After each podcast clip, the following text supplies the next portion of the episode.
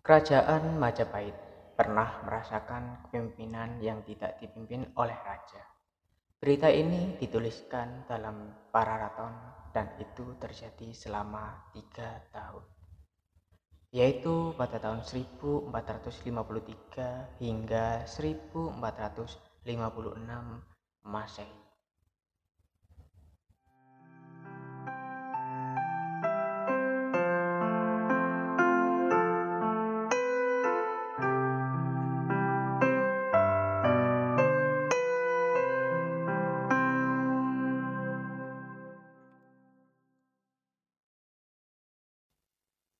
Ketika Dyah Rane Suhita memimpin kerajaan Majapahit mulai dari tahun 1427 hingga pada masa akhirnya yaitu pada tahun 1447 Masehi, Majapahit sedikit mulai stabil.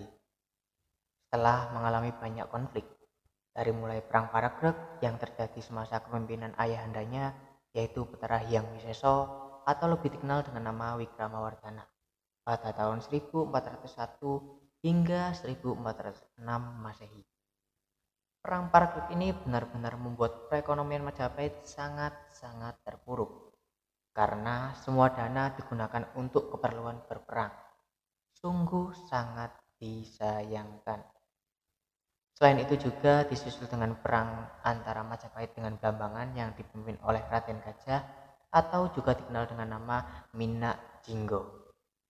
Perkara ini bisa kalian dengarkan di episode sebelumnya yang berjudul Damar Wulan dan Minak Jinggo.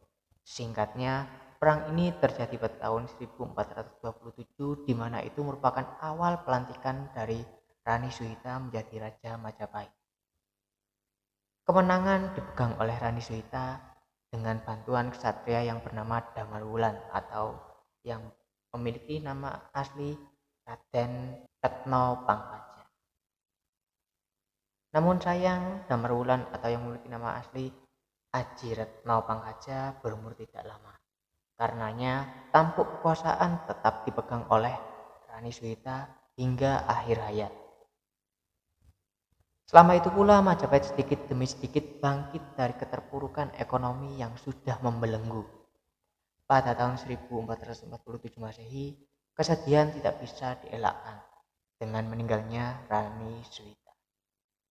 Sang pemimpin yang hendak mengangkat kembali kejayaan Majapahit seperti halnya pada zaman kakeknya yaitu Hayam Wuruk sangat disayangkan juga.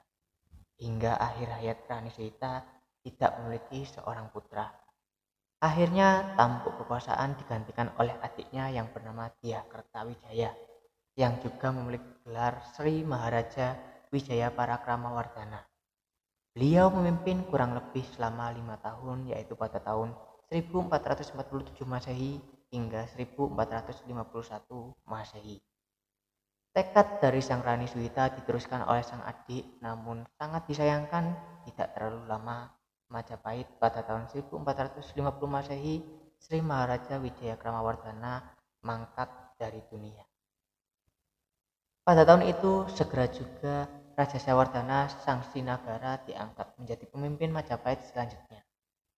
Raja Sawardana Sang Sinagara juga memiliki nama asli Dyah Wijaya Kumara atau juga dikenal dengan Kerta Rajasa pada tahun 1451 hingga 1453 Masehi.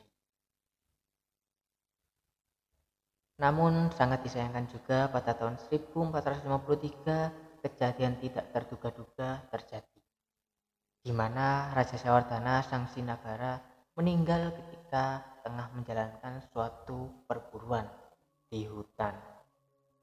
Menurut beberapa babat atau cerita, beliau meninggal jatuh dari tebing ketika sedang mengejar hewan buruannya. Setelah sepeninggalan Raja Sawardana Sang Sinagara, Majapahit benar-benar belum ada pengganti sama sekali. Karena dari kedua raja sebelumnya, keturunannya sama-sama memiliki kepiawaian dalam pemimpin. Pada akhirnya diputuskan oleh Sabto Prabu Majapahit atau sebutannya di zaman sekarang adalah menteri-menteri kerajaan. Selama tiga tahun ini tampuk kekuasaan Majapahit benar-benar dipegang oleh para menteri. Dan selama itu pula didiskusikan siapa yang akan memimpin kerajaan Majapahit selanjutnya. Apakah dari Trah Maharaja Wijaya Kramawardhana atau dari Trah Raja Sawardana sang